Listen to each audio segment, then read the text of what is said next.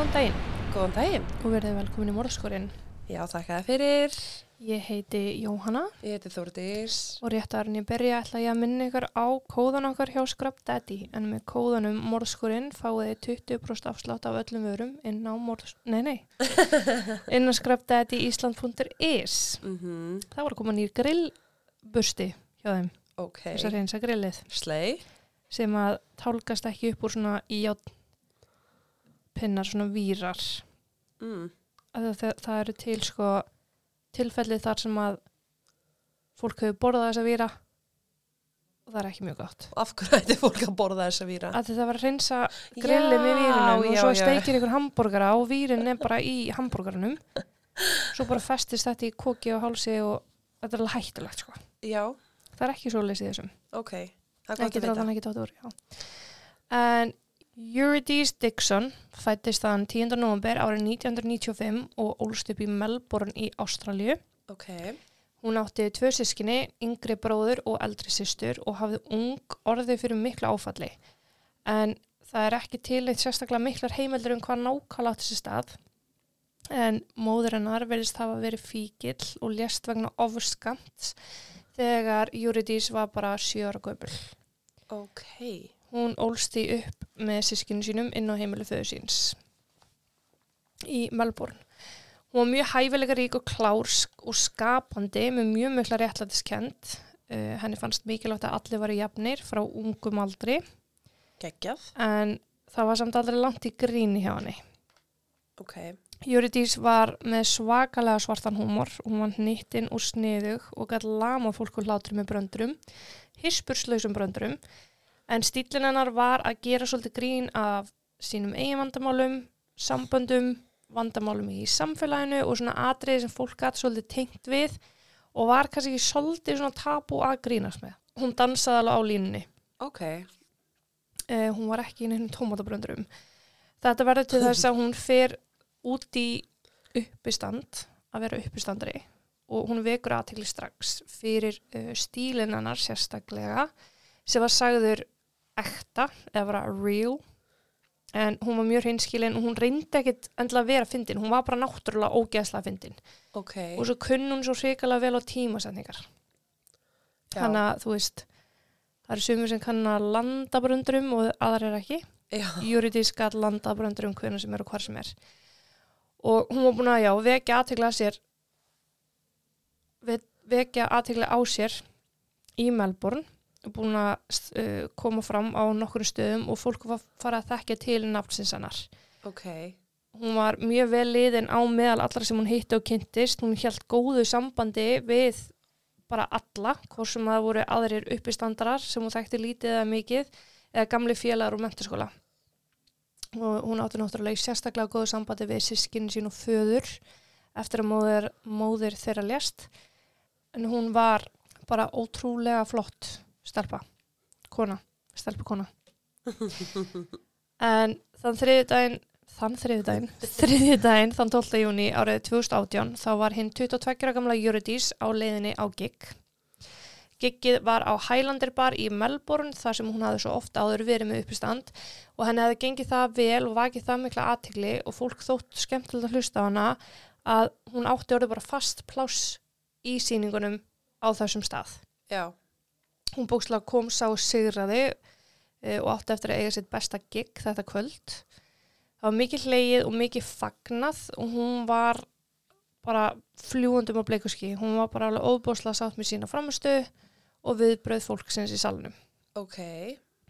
Eftir giggið, eða um hálf 11 þetta kvöld, þá gekk hún frá skemmtistaðunum s- með kæristunum sínum, Tony, og í verslun þar sem hún keipti sér próteinstykki og þaðan að lestapöllum þar sem að kæristun hennar ætlaði að taka lestina heim. En Júriði sjálf hefði ákveðið að úr því að veðri væri mildt, að þetta er vetur þarna Já. í Ástralju, þá ætlaði hún bara að ganga heim þessa 5 kílómetra sem voru þangað. Ok. Og hann tók lestina. Já, hann, hann, hún bjó hjá pappi sínum með sískinu sínum, Já. hann bjó annars staðar. Ok. En hún var mjög vön að ganga þessa leið og hún hafði alltaf upplegað sér mjög öruga en það talst Melbourne sem fremur örug borg. Ofbeldisgleipir auðvitað gerast þar eins og annar staðar en almennt virðist viðhorfi vera að konur töldu sér fyrir ykkur örugar. Já. Leiðina heimili hennar var vel líst gödunar eh, nema síðustu nokkur hundru metrarnir en þar þurftur hann gangi í gegnum prinsess almenningsgarðin sem var frekar stór en garðurinn var eiginlega aðal ástæðan af hverju hún elskaði að ganga heim eftir giggin. Að ganga í gegnum hann. Já, Mm. undan teknikalaust þá fór hún úr skónum og úr sokkunum og gekk berfætt yfir fótboltavellina sem voru inn í garðinum. Og þetta var bara eitthvað svona ákveðin jarðtenging hjá henni. Varst ekki að segja að væri vetur í Ástralíu? Jú, en það er samt, þú veist, vetur eru ekki mínus fjórar eins og hér skilur. Er ekki snjór? Nei, Ok. e, það er bara svona, þú veist, 12, 13, 14 gráður skilur. Mm, ok. Hún ákveður að gera þetta uh, að fara úr skónum þetta kvöld og þegar hún var rétt að koma heim til sín þá sendi hún kærst sinn skilabóð eða klukkan 12.02 eftir minnetti Mm. og skilabóðin lásu rétt á komin heim, hvað með þig? Ok. Júriti skilaði sér aldrei heimat kvöld. Klukkan 02.50 aðfara nótt 13. júni þá ringdi maður í neðalínu og tilkynntum líkfund í prinsess almenningskarðinum. Hann staðist hafa gengið fram á konu, unga konu, meðvindundalausa og kalda viðkoma á fótboltavelli inn í garðinum. Hún var aðlegt að veita konunni fyrstu hjálp þar til að viðbrasalar kæmu á staðinn og það gerði hann og reyndi þrátt fyrir að vita fullvel að það kemi ekki til maður að bera árangur en lík konunar var ískalt viðkomu. Ok. Hvað svo sem hafði átt sér stað hafði gerst einhverju áður fyrir utan það að það var ekki slíkt og er oft í Ástralíu vegna þess að þarna er hávetur á þeirra skala. Þetta var 12.50. 250. 2.50. Þannig að tvei, cirka tveimu tímum, Þremur tímum, já. s- seinna. Já, og hún var orðin köld. Já. Ok. Nógu köld til þess að það staðfesti, þú veist að, Hún var látin. já, Já. að það var augljóst að hún var látin. Mm. og bráðalegar komu og staðfestu þann grunn stuttu síðar. En fljótlega komu ljósa um var ræða hérna 22. gömlu Júriti Stigson. Rannsóknin eðlilega hófst strax en fjöldin allir af eftirlitsmyndavélum var um borgina og í nálað við garðin. Og þegar búið var að hafa sambandi við kærasta Júritis Tóni, föður hennar og sískinni, þá var orðið nokkuð ljóst hvaða leið Júritis hefði trúlega skengið og auðvelt ætti þá að reynast reynast að skoða viðegandi eftirlitsmyndavælar. En hún hefði sérst gengið frá skemmtistánum Já. að þessum lestapöllum, Uh -huh. stoppaði verslun áður og svo kvart tóni og gengið af stað. Ok. Og að meðan laurugla er að vinna þessa rannsókn skoða eftirlitsmyndavælar efnið þá, uh, þá fór fram krupning á líki Júrdís hjá réttalækni sem að gæt vonandi fljótt og örugla veitt lauruglu bráðabera niðurstöður. Já. Við skoðun á myndefni frá eftirlitsmyndavælunum kom fljóttu ljós að einhver hafði allt Júridís frá því hún kvatti kærastan sinn á lastapöllunum eh, og þanga til að hún hverfur úr síðast ramma. Ok. En sami maður sérst í sama ramma og hún sjálfur gegnum allt myndefnið alla leiðina sem Júridís hafi gengið næstu í 5 kilometra. Eh, við þakkum fyrir mjög skýrt myndefni að því að laurugla var með ansi skýra mynd af manni í grára hættupausu með bláan eða svartan bakpoka og gáti því mjög fljótt gefið út til fjölmjöla mynd af viðkomandi og yfirlýsingu Mm. að nöðsilegt væri að ná tali af þessu manni vegna málsinn sem tengdist líkfundunum í prinsess almennskarðunum. Þarna það hefði náttúrulega bara strax farið í fjölmjöla að það hefði verið líkfundurar Já. eins og gengur að gerist. En laurugla var ekkit sérstaklega vongóð að neitt kæmi úr þessu strax. Það var því óvænt ánægja í annars skelvelegum aðstæðum þegar síminn ringdi á lauruglustöðinu í umdæminu rétt fyrir klukkan 19 að 7 þetta kvöld, 13. júni, deginum eftir, deginum eftir að Júriðis lappar frá skemmtistanum. Já. Ungur maður var á línunni Og hann segir, hæti ég? Akkur er það að leita mér? hinn 19 ára gamli James Todd og kynnti sig sem mannin á myndbalsupptökunum. Sjokker. Mm Hann sagði að vissulega væri maðurinn sem umrætti en hann hefði samt sem áður ekki haft neitt með andlátt konunar að gera. Ok. Laurugla óskaði eftir því að hann kæmi niður á stöð til þess að hægt væri að ræða við hann og fá nánari útskýringu á málunu. Og þanga var hann komin á samt kærustu sinni, móður hennar og móður sinni stutt síðar. Já, viltu ekki bara, bara fjölskyldu hitt ykkur á lauruglustöðinni? Einmitt. Þegar lauruglan sest niður með honum inn í yfirýslaherbyggi þá er þau bara, já, já, og hvað varst að gera? Og hann bara, ég var bara að lappa. voru ég ok, varstu við sem hún hafi ekki neitt með andlát Júriðis að gera Uh -huh. hann har neytar bara staðfastlega að hafa einhver með andlat konur að gera S uh, hann sagðist bara oft áður hafa verið að labba á kvöldin og hann bara gera það þarna líka Ok, og sá hann eitthvað þá? um, Lörglann spyr hann sko 660 spurninga Já, ok. já uh, það er hvergi farið eitthvað sérstaklega nánaðar út í hvaða spurningu það voru. Nei, en stór hlutaði voru hvað heitir hvað ertu fættur, hvernig áttu ammali þú veist, sama spurning en Uh -huh. en já, já Lörglann var bara, ok, við ætlum samt að byggja um að gefa okkur lífsýni. Mhm. og það þá sem að James er bara, herru nei, ok, það er bara engin þörf á lífsýni ég skal segja ykkur allt, ég er maðurinn upptökunum og ég myrti konuna What? Bara, eins og skott ok. og ástæðan fyrir því að hann var kannski stressaður yfir lífsýnum var að hann var útklórar í andlitinu Já. sem að hefði og átti síðan mér eftir að tengjast Júridís, Já. því sem fannst í krupningunni. Mm. Lögregla gefið því út ákæru, morð og kynferðisárás eða þrjár mismunandi útgáfur af kynferðisbrots ákærum og James gengst við um öllum án þess að hika. Ok. Ástæðan sem hann gaf lögreglu var svo að hann hafi bara verið hrifin að henni, að honum hafi þótt hún flott. Ég bara sá hann á lestastöðinu og ákveða fylginni. Já. Hann sagðist aldrei hafa ætlað að myrðana Ok. En fer svo sem ekki nánar til það. En James er fluttur í gæsluvarðhald þar sem hann síðar átti eftir að ringi pappa sinn og segjast sjá eftir því hvernig glæpurinn fór fram. Hvernig? Ekki að. Nei. Hann fór fram heldur hvernig. Að, að honum hafi liðið svo illa með allt saman og hann vonaðist þess að næst færi þetta betur. Næst. Sagði hann það við pappa sinn. Já. Sagði hann það áður en hann var handtekinn. Nei. Eftir hann var handtekinn. Já. Eftir að hann var ákærðu, já. Já, já, já, já, já. James fættist árið 1999. Æ, ertu að fara að segja mér að þetta sé fyrskipt sem að hann held hann myndir stunda kynlífið eða eitthvað og... Nei, nei, nei, nei, nei. Ok. Hann bjó í afar erfiðum aðstæður en hverfið sem hann ólst upp í er kallað The Bronx Mm. í Melbourne sem er bara tilvísun í Bronx í New York. Það Já. sem að mjög mikil fátækt ríkti, sérstaklega á 7. og 8. Uh, 8. og 9. áratögnum Já. Og niðun Ísla hverfisins var óbúslega mikil á samt harri, harri glæpatíðni og óbúlsglæpum almennt. Mm. En James ólst upp í húsi fórhaldsina þar sem hann bjó með aragrúa af dýrum en slæm umgengni var fyrir, Aragrúa. já, helling af dýrum ok. en mjög slæm umgengni var fyrir og dýrin bætti svo sannlega ekki úr. Sagan segir að eldúsið hafi verið að sökva ofan í gólfið vegna hversu illa gólfin voru mikluð og skemmt inn á heimilinu.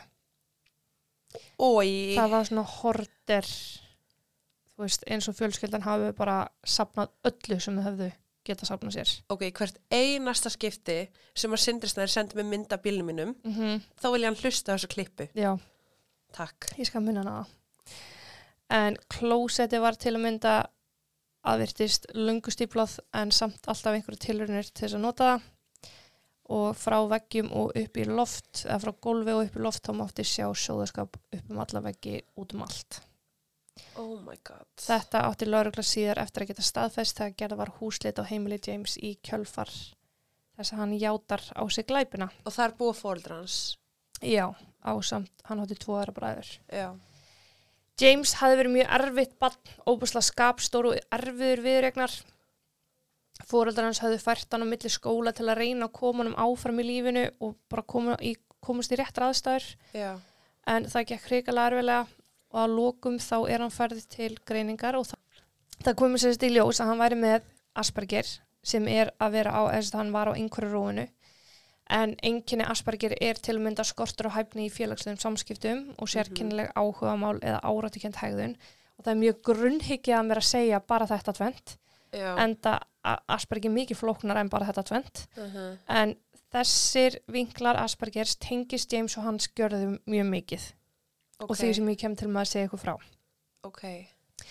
James eins og ég segi gekk afar illa í skóla og stórum hluta og að stórum hluta vegna sinna greiningar og sinnar aðstæðna og að hann var ekki í viðeigandi eh, bara skólum og fekk ekki viðeigandi aðstóð að það kom svo að því þegar hann var komin á sín setni úlingsár að hann sótti skóla og hann næra að klára það sem jafnast á við eins og bara grunnskóla slash studentspróf ok, sem verður til þess að hann kemst í uh, secondary college sem er þú veist bara svona svo framhalds framhalds nám, já, eitthvað, já. Þau eru náttúrulega með allt öðru skólakerfi en við þannig að það er oft mjög erfitt að reyna að þrjú þetta. grunnskóli mentaskóli, háskóli. Við erum með það, og svo, já, þannig að inn á milli vantar eða hjá þeim. High school. Já, já, en hann fer og lærir sérst, hann, nær, hann nær sér í þetta próf sem verður til þess að hann getur sótt nám sem hann langar að læra og það er, það heitir á ennsku hospitality þetta bein því sem gestristni en námið er fyrir þá sem ætla út í hótelrekstur, hótelbransa já. hótelstjórar sækir svona nám líka. En þeir sem ætla að stopna veitingastæði fara í veislustjórn og annars slíkt fara líka í þetta nám. Ok, þannig að þetta er bara svona overall hvernig áttu að koma fram með kuna hvernig, hvernig, hvað var hann, hans áhuga svið það kemur ekkert sérstaklega fram. Ok, en hann fann sig allan að algjörlega í þessu námi búin að finna sína hillu í lífinu og gekk mjög vel. Hann var almennt talin ljúfur og þægilegur kurtis og fyndin og var þarna vinamarkur og freka vinsæll. En hann drakk eins og hver annar 19 ára krakki, hann fíktaði við fíknefni og hann brasaði og þú veist, var alveg vesen á honum eins og öllum öðrum. Já, en að öllu þú veist það virðist á öllu að hann hafi bara mjög venjulegur og hann hafi getað að lifa mjög eðlilegu lífi þrátt fyrir svona greiningu.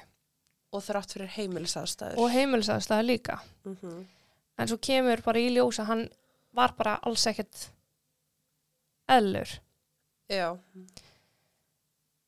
Bráðbyrðaniðurstur og krupningu komu uh, út og komu ljós að Júridís hafði ekki verið drukkin, hún hafði ekki verið á henni fíknefnum. Hún hafði hins vegar verið kyrt til bana og orðið fyrir kynfyrsofbildi. já, Uh, þá var hún með varnaráverka og lífsinni James undir öllum nöglum.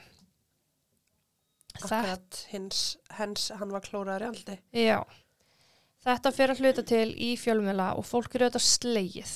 Ofbeldi Karla í garð hvenna var búið að vera á vörum margra eftir einhver mál sem höfði átt sér staðarna mánuðin á árinu undan mm. og fólk var bara reytt það til dæmis annað mál sem var mjög stórt út í ástraliði þar sem að það var kona einmitt eld frá bar og allavega heim til sín, næstu heim til sín og myrt.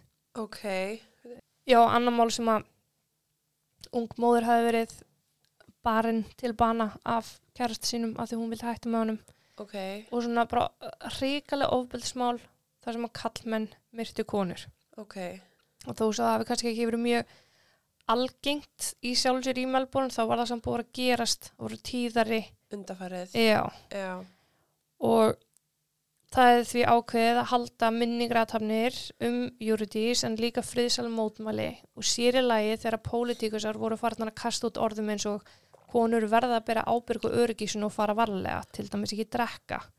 Þess vegna tók ég sérstaklega fram hún var ekki drukkin. Uh, og ekki fíknefnum en sem betur fyrir það voru flottar einstaklingar sem á hrópuðu bara herra og sögðu að það þyrfti frekar að kenna öllum, að bara öllum kynjum að bera virðingu fyrir náungunum uh, já, bæta alls konar atri í samfélaginu, heilbriðstjónustu, geheilbriðstjónustu, skólakerfin uh og bara, þú veist, þessar hluti sem er að taka utan um aðalina sem mest þurfaði að halda. já. Það eru kerfin sem er að klikka mhm, sem að veldur glæpamálum, já, sakamálum.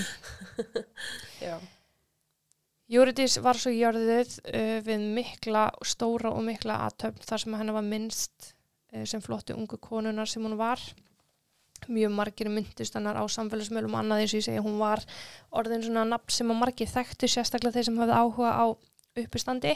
já, Aðrir uppistandarar komu fram og töluðu um að og hún var uppistandara sem að sagði djók, hefst, fór með einhverja brandara eða grín sem að þau höfðu pyrrað sér pínlítið á og henni hafi dottið í hug já, þú veist, að það er svo vond fyrir uppistandara oh, okkur fatt að ég þetta ekki, þetta er ókslega fyndið þetta er slagið gegn, Ah, þú veist, þannig að hún var svo sniðug og snögg og hún átti svo mikla framtíð fyrir sér sem hún fekk bara ekki að lifa. Já. En þar sem að James játar glæpin, sem gengst við glæpnum, þá var engin þörf á rétturhöldum, þar sem að einhver ákveður hvort hann sé sigur eða saklaus. Hins vegar þarf að taka fyrirtöku máls, þar sem að málið, málsatvik og annað er kynnt og þar er farið vel og vandlega yfir alla vinkla málsins. Já. Þetta er allt saman hlutir sem hafa síðar áhrif á ákvörðun dómara um þyngd refsingar. Mm En þarna komi ljós að þennan dag þegar Júrdís er myrt, þann 12. júni, þá hafði James sjálfur verið í skólanum til klugan þrjú. Eftir skóla þá tók hann lest með þrjum fjölum og planið var að fara að kaupa áfengi. Þeir reyndu að kaupa áfengi en James ásand vinnu sínum voru bara 18-19 ára með babyface, svolítið batslegir í útliti Já. gáttu ekki uh, sínt neins skilríkja því þeir voru ekki nógu gamlir um, þannig að þeir fengu ekki áfengi í fyrstu versluninu sem þau fóru í þeir fara því að aðra verslun þar sem, þar sem þeim tekst að kaupa svo vodka og vefjupapír þeir fara svo saman í almenningskarð Batman almenningskarðin þar sem þeir drekka vodka og spjalla saman þar til uh, að þar til að einn vinana ákveður að halda heim Þeir voru því þrýr saman eftir og þegar flaskan er búin ákveðir að fara í 7-Eleven, 7-11, þar sem þeir kaupa sér gós og halda aftur í garðin þar sem þeir komu sér e, fyrir en þeir ætlaði að hitta Grasala. Í Princess Garðinum. Nei, Batman Park. Batman Park, ok. Þeir enda á því að reykja saman jónur og klukkan hálf nýju... Í fleirtölu? Já, Ok. og klukkan hálf nýju fara þeir allir saman á lestastöð þar sem þeir kaupa sér meira áfengi. Núna Jim Beam, Jim Beam flösku. Ég get ekki svona sagt eitthvað það sé viski eða rom, sko. Það er viski. Okay. Það er bourbon. Bourbon, ok. Þeir taka saman lestina og eitt félagin fer út á sinni stöð. James sjálfur heldur áfram og hoppar út á Newmarket stoppistöðinni og kveður vinsinn um klukkan þetta kvöld. Þá fer hann eitthvað svona sjálfur á flakk. Hann kaupir sér tóbak, tekur lestina aftur og stígur út úr lestina á þeim lestapalli þar sem að Júridís átti síðar þetta kvöld eftir að kveðja kærast sinn í síðast skipti. Uh, James ráar einhvað af stað og er bara okkur vappi, hann er bara eitthvað að slæpast hann hafði ekki ástæði til að vera flakki skiljur annað en bara að hann var að gera það því hún litist og fullur á friðin. já klukkan kortir eða 22.43 gengur hann fram hjá verslun versluninni sem að Júridís og Tony kærstinanar eru að kaupa próteinstykkið sem hún hafði keift sér á hann hún fór heim Já. það er þá sem hann raunverulega tekur eftir Júridís það sem hún vekur að bara, þú veist Aðteglans. Já. Já.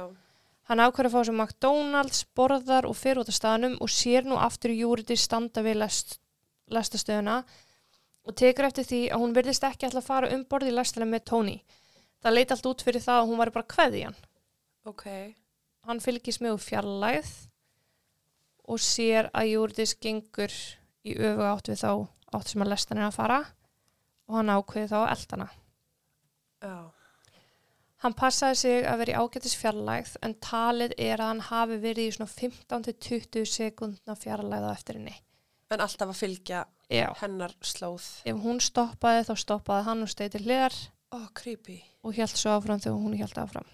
Oh. Og þannig er Júritis augljóslega grunlaus um að það sé verið eldana því að hún sést aldrei snúið sér við að neitt slíkt á myndbandsupptökunum.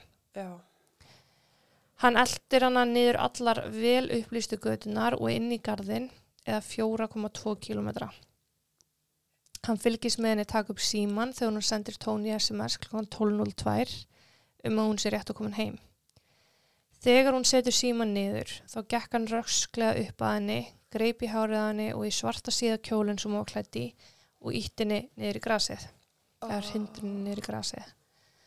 Hann sest klofvega yfir bringuna á henni notar eina hönd til þess að halda, um, halda utan um hálsin á henni og hina til þess að rífa hann úr fötunum.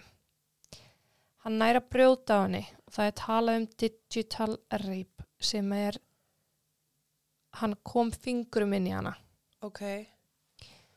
og hann er að gera sér tilbúin til þess að nöðginni en hann næra honum ekki upp. Ok.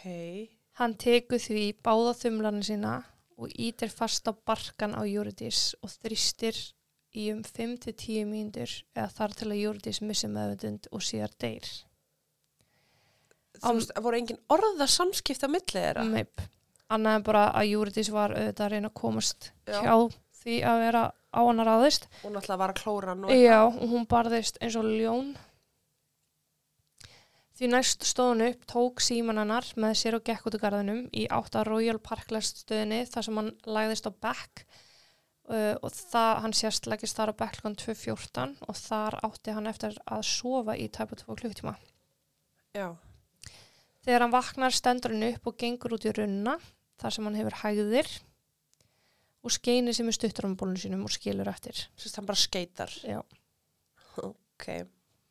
Hann gengur tilbaka að lestastöðinni og skoðar innihald símanar, notar myndavöluna til að skoða risputnar í handlitin á sér, hálsin á sér og axlinar á sér eftir að Júrdís hafi barast fyrir lífi sinu. Hann gengur svo tilbaka í prinsess almenningsgarðin þar sem hann hafi stuttu áður myrt Júrdís.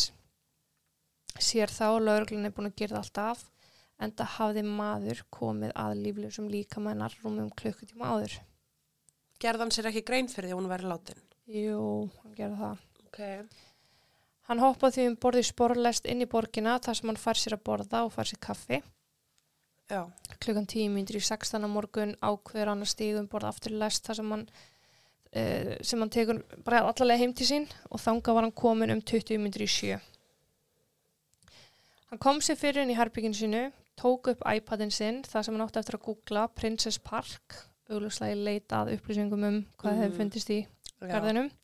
En fréttir voru komnar á fréttamela um líkfund. Þrjárum í sjö hættar hann hins vegar að hugsa um það og opnar Google aftur og leitar að strangulation and rape porn sem að er kyrkingar og nöðgunarklám. Hann opnar vefsíðu þar sem hann notar leita glukkan aftur og leitar eftir strangled and brutally raped brutal rape choking to death Á Google. já, Ok. uh, strangled forced videos og skoðar þar einhver myndbönd. Hann heldur áfram að leita myndböndum með núna dökkarum stelpum og síðar curvy emo girl. Hvoru tveggja sem myndi stemma við útlit Eurydice. Og þið sjáu það bara þegar að þið sjáu myndinir af Eurydice á Instagram. Að hún var með dögt stutthár og var oft með tjókur um hálsin, dökkan varalit og fyrir Mm. mann eins og hann þá hefði hann alveg getað séð fyrir sér að hún væri emo svo bara fer hann að sofa Bara eftir smá rung session. já, Ok. það var svo klukkan hálf sjö uh, setjumpartinn þann 13. júni sem að vinur hans ringdi hann og leta hann vita því að myndir væri af hannum á öllum fréttamöðlum þar sem að laurugla óska eftir hann á tali Þannig að það sást alveg vel í andlita hans, ekkert eitthvað bara hafa með hettu og... nei, nei, nei, nei, nei, alls ekki Nei. það er alveg fyrir eitthvað skrítið að þú veist það er myndpansu upptökur á veist, tæpa 5 km pluss allt það sem hann gerði eftir morðið og hún dætti aldrei í huga félags andliti sko Já. En það er líka, þú veist, að því ég var að spá í því af hverju hann hefði hringt í lauruglu og látið vita þetta væri hann. En þá væntalega því að... hann hefur alltaf reyna að koma sér undan í að vera grunnsalegur eða eitthvað. Já. en hann tekur þá upp iPodin aftur og googlar símanúmer lauruglustöðurnar sem fór með málið og let vita af sér. Ringdi svo í kærastun sína hæ, uh, ég ætla að fara på lauruglustöðu, vil koma mér? Hún bara, já, má ég taka mömmu mína með og það er vist mamma hans sem að hvetur hann til þess að taka mömmu sína líka og svo auðvitað vitu framhaldi. Fagaðalar sem höfðu metið James eftir að hann var handtekinn komu fram og við þessa fyrirtökumáls og útskýrðu ástand James. Þar sem að kom fram að hann var vissulega með Asperger og hans röskun útskýrð að hann sé með afmarkað tilfinningarsvið, hann upplifi ekki eins og þeir sem eru ekki á einhverju rófi og hann sem er mjög þrönga sín á heiminn. Hann skortir samkend og samú til dæmis. E, það er sérstaklega tekið fram. Já. Þeir taka þó jafnframt fram þeir taka þó hjapframt fram að þrátt fyrir að James hafi ekki getað skilið óttan, sársögan eða ángistana sem að Eurydice uppliði síðustu myndunar í sín lífi þá hafi það ekki drifið hann áfram til að fremja glæpin en það hafði honum að öllu öðru leiti gengið fyrir með vil lífinu þrátt fyrir sína röskun en áráttu hægðunum sem fylgir einhverju rófinu gæti tengst áhugans á kynlífi Mm. en fagaðilar mátu svo að James var að haldin kynferði satisma röskun sem er aðmiskilst ekki algeng en algeng á meðal raðmóringja. Ok. James til dæmis vissi vel að staðrendin að hann var að kirkja Júridís myndi valdinni óþægendum og hann vissi vel orsöku afleðingu sko. Hann vissi að ef hann myndi skerða súrefnisintöku Júridís þá myndi hún deyja. Já. Það sem dreif hann áfram var áhuga hans, þetta var eitthvað sem að kveikti í honum. Eitthvað sem hann, Kirkja og, já. já. Og einmitt kærasta James og fyrrum hjásvæfur hans komu fram og sögðu að James væri alltaf góðu við þær, hefði aldrei komið fram við þær með neitt, neina öðru en virðingu en hann hafi vissilega verið með mikinn áhuga kirkingum í kynlífi. Já. Hann hafi með þeim öllum stundað kynlíf þar sem hann notaði kirkingar en alltaf með samþyggi og hann hafði aldrei farið yfir þeirra mörg Ok. og þau sérst, allar stelpunar verið með einhvers konar merki til að stoppa. Já. En Sem er s- sniðugt. Já, en við skoðum á tölvugagnu James þá var hann reglulegu gestur á vefsíðum með myndböndum af því sem kallast snöffporn, Snöffporn. snöffkynlíf. Hvað er það? Uh, í hans tilfelli þá var hann að horfa myndbönd af konu og kalli að senda kynlíf sem að endaði yfirleitt með því að konan deyr. Er það bara til? Já, Og af hverju er það ekki sótt til saga? góð spurning. What? En hann hlýtur að hafa þurft að taka ansi mikið deep dive á internetinu til þess að grafa þetta upp sko. Ætla ég vona. Já. Já. en það er hérna þú veist þannig að þú ert með frásögn kæristunar og fyrirverandi kæristna hjásvæfna, hjásvæfana, hjásvæfur Frásagnir hjá svæfanna. já, sem segja eitt við erum með þessar frásagnir frá þessum konum þar sem talaður um að hann sé bara frábær gaur og í rauninni líka ef skoða er frásagnir fólksins hans líka. Veist, þetta er strákur sem mátti erfitt uppdráttar fyrst um sinn þegar maður bann og inn á hérna fyrstu ár úlingsárunum sinna en svo rýfur hann sig veginn í gang og bara kemst að góðan stað í lífinu og hann er vel liðin og hann á góða vini og veist, er góður við fólk. Hataði ekki mömmu sína til dæmis eins og er mjög algengt í svona kynferðisafbrótamálum eða svona, Uh -huh. svona glæpum morðum sem eru drefin áfram af einhverju kynferðislegum kvötum Akkurat. uh, en svo er hann bara að googla ógeðslegustu hluti sem til eru Já. þannig að þú veist, hann er ekki að fá það sem hann vill út úr kærstun sinni en er til lengri tíma að nota interneti til þess danga til hann er fullur á friðin þann 12. júni 2018 Já. En vörnunars James var og reyndi að óska eftir lækkunar tíma vegna þess að James hafði ekki planað þetta. Sem ég verða var ósamála því að maðurinn hefði 4,2 km til þess að plana glæpina meðan hann var eldana Uh en líka 4,2 km til þess að steinhætta við. Uh -huh. það er, þú veist, það er ásetningur hana en raukvarnarinnar var að James hafði kynferðslegan áhuga á henni en hafi ekki alltaf að myrða hana. En samt er kynlífs veist, klámið sem hann er að horfa á Já. allt tengt konum sem að deyja í kynlífi Uh -huh. en rökin voru líka bara svo lélega því að ok, hann ætlaði ekki að myrða hana hvað þá, hann ætlaði bara nöðgunni Og hvernig er það skára? mm -hmm. lögfræðingar sem sinna svona málum eru náttúrulega bara einhverju hákallar sko. Þurfa bara að kasta samvinskunni mjög langt í burtu þarf að gera það sko. En dómari tók þetta ekki til greina enda sagði hún þegar James fekk lífstíða dómin sinn lífstíða dómin sinn að hreinast gelvingin sem að Júriðis slítur hafa upplifað er ólýsanleg Mm -hmm. Uh, hún var að gera nákvæmlega sem hún held að hún mætti gera og átti rétt á og var að hún ætlaðist til að hún geti gengið örug í gegnum almennskarð sem hún fekk ekki Já.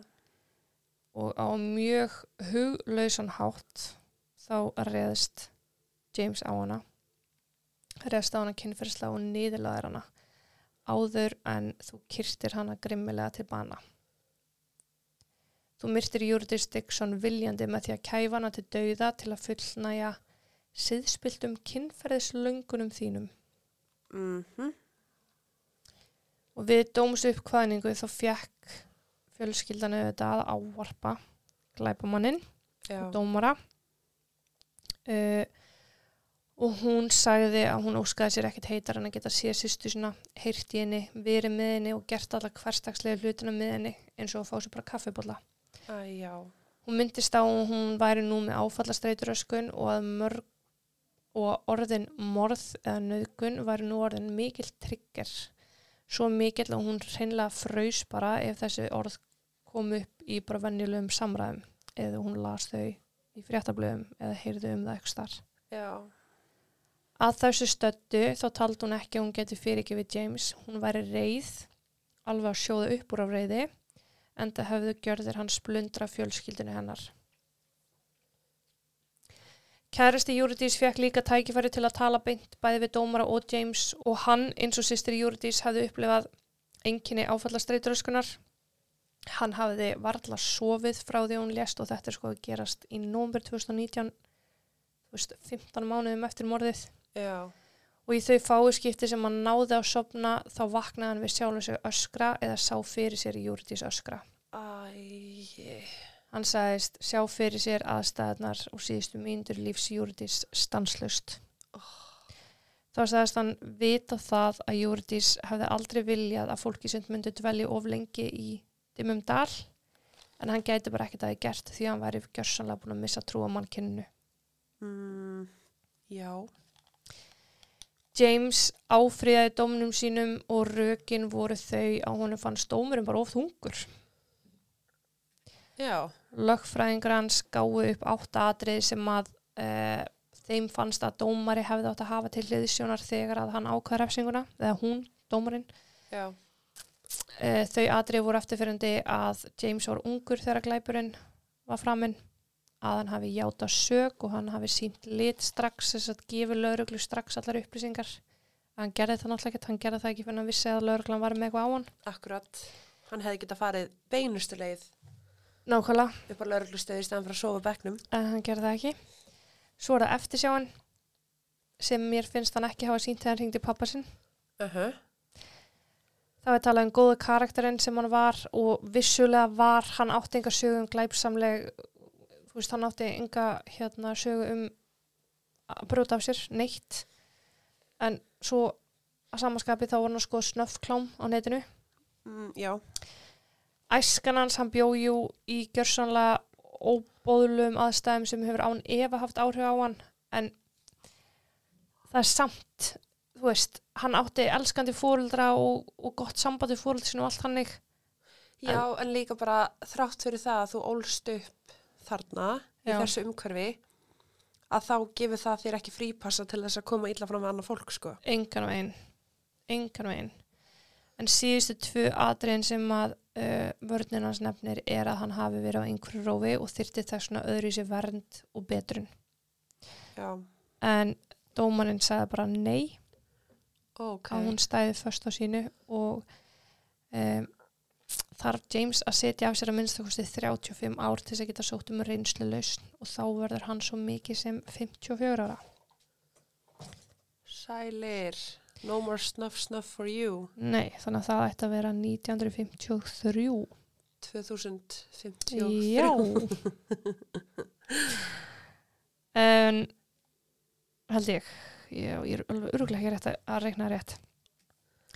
Það voru svo þessi samfélagslegu viðbyrju sem urðu í kjölfarið en það voru haldnir um, svona uppistandsýningar haldin, já, Bara til heiður sannar. til heiðursennar sem voru sérst uppistandrar, aðrir frægir uppistandrar sem að notuðu hennar gamla efni Já. og voru með e, frýtt inn svo allir kæmust en fólk gatt hérna Gefur pening. pening til styrtar alls konar e, Málefna. já, málefna og svo var verið að reyna að setja e, saman stand up sem eru skólastyrkir í hennar nafni ok. en þetta eru skólastyrkir til annara kvenkins uppistandra Já, sem er mjög skemmtilegt og mjög fallegt en margir minnast þetta einn dag með því að tilenga henni uh, uppistandssýningar sagt sóla uppistandrar að, að tilenga henni performance sitt skilur þú veist. Já, já, já.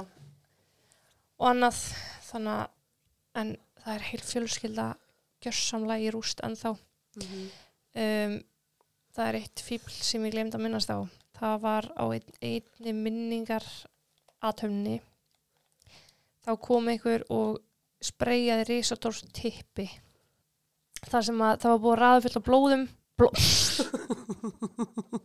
Þetta þetta er ekki minn dagur sko. það var búið fullt af blómum henni til heiðis og það var myndir af því að Instagram að því að það út af fyrir sig er bara mjög fallegt. Já, hann kom og spreyjaði ristórs tippi. Yfir blóminn. Af því hann er bara fáti og hann fekk fyrir það uh, dóm. Ok, fyrir það er ykkur mm, bara vandalism. já. Og sko þetta var 25 metra tippi. Já, sælir. það er engin smá metnaður. Lilla ímyndunar aflið, sko. mm hann var eh, sakfældur fyrir skemda verk og fekk fimm mánu fangilsi en hann var ekki hrifin af því að fólk var að peppa feminist tal og að hérna feminismar væri bara að fá þetta. Eins þá heldur hann út í podcasti það sem hann talar um að bólusendingar séu svo astnælar Mm. og að það séu bólusendingar sem að valda einhverfi þannig að hann var mjög svo viljandi Já, að skemma þarna. Já. En þess að áreita bólusendingar valda ekki einhverju, Nei. það gera það ekki ég hef skrifað um þetta reitgerð en já, það er máli í dag Já. ég ætla að segja takk fyrir mig í dag Já. þá þar til næst og takk fyrir mig og takk og bless. takk og bless, ætla ég að segja Jésús almáttur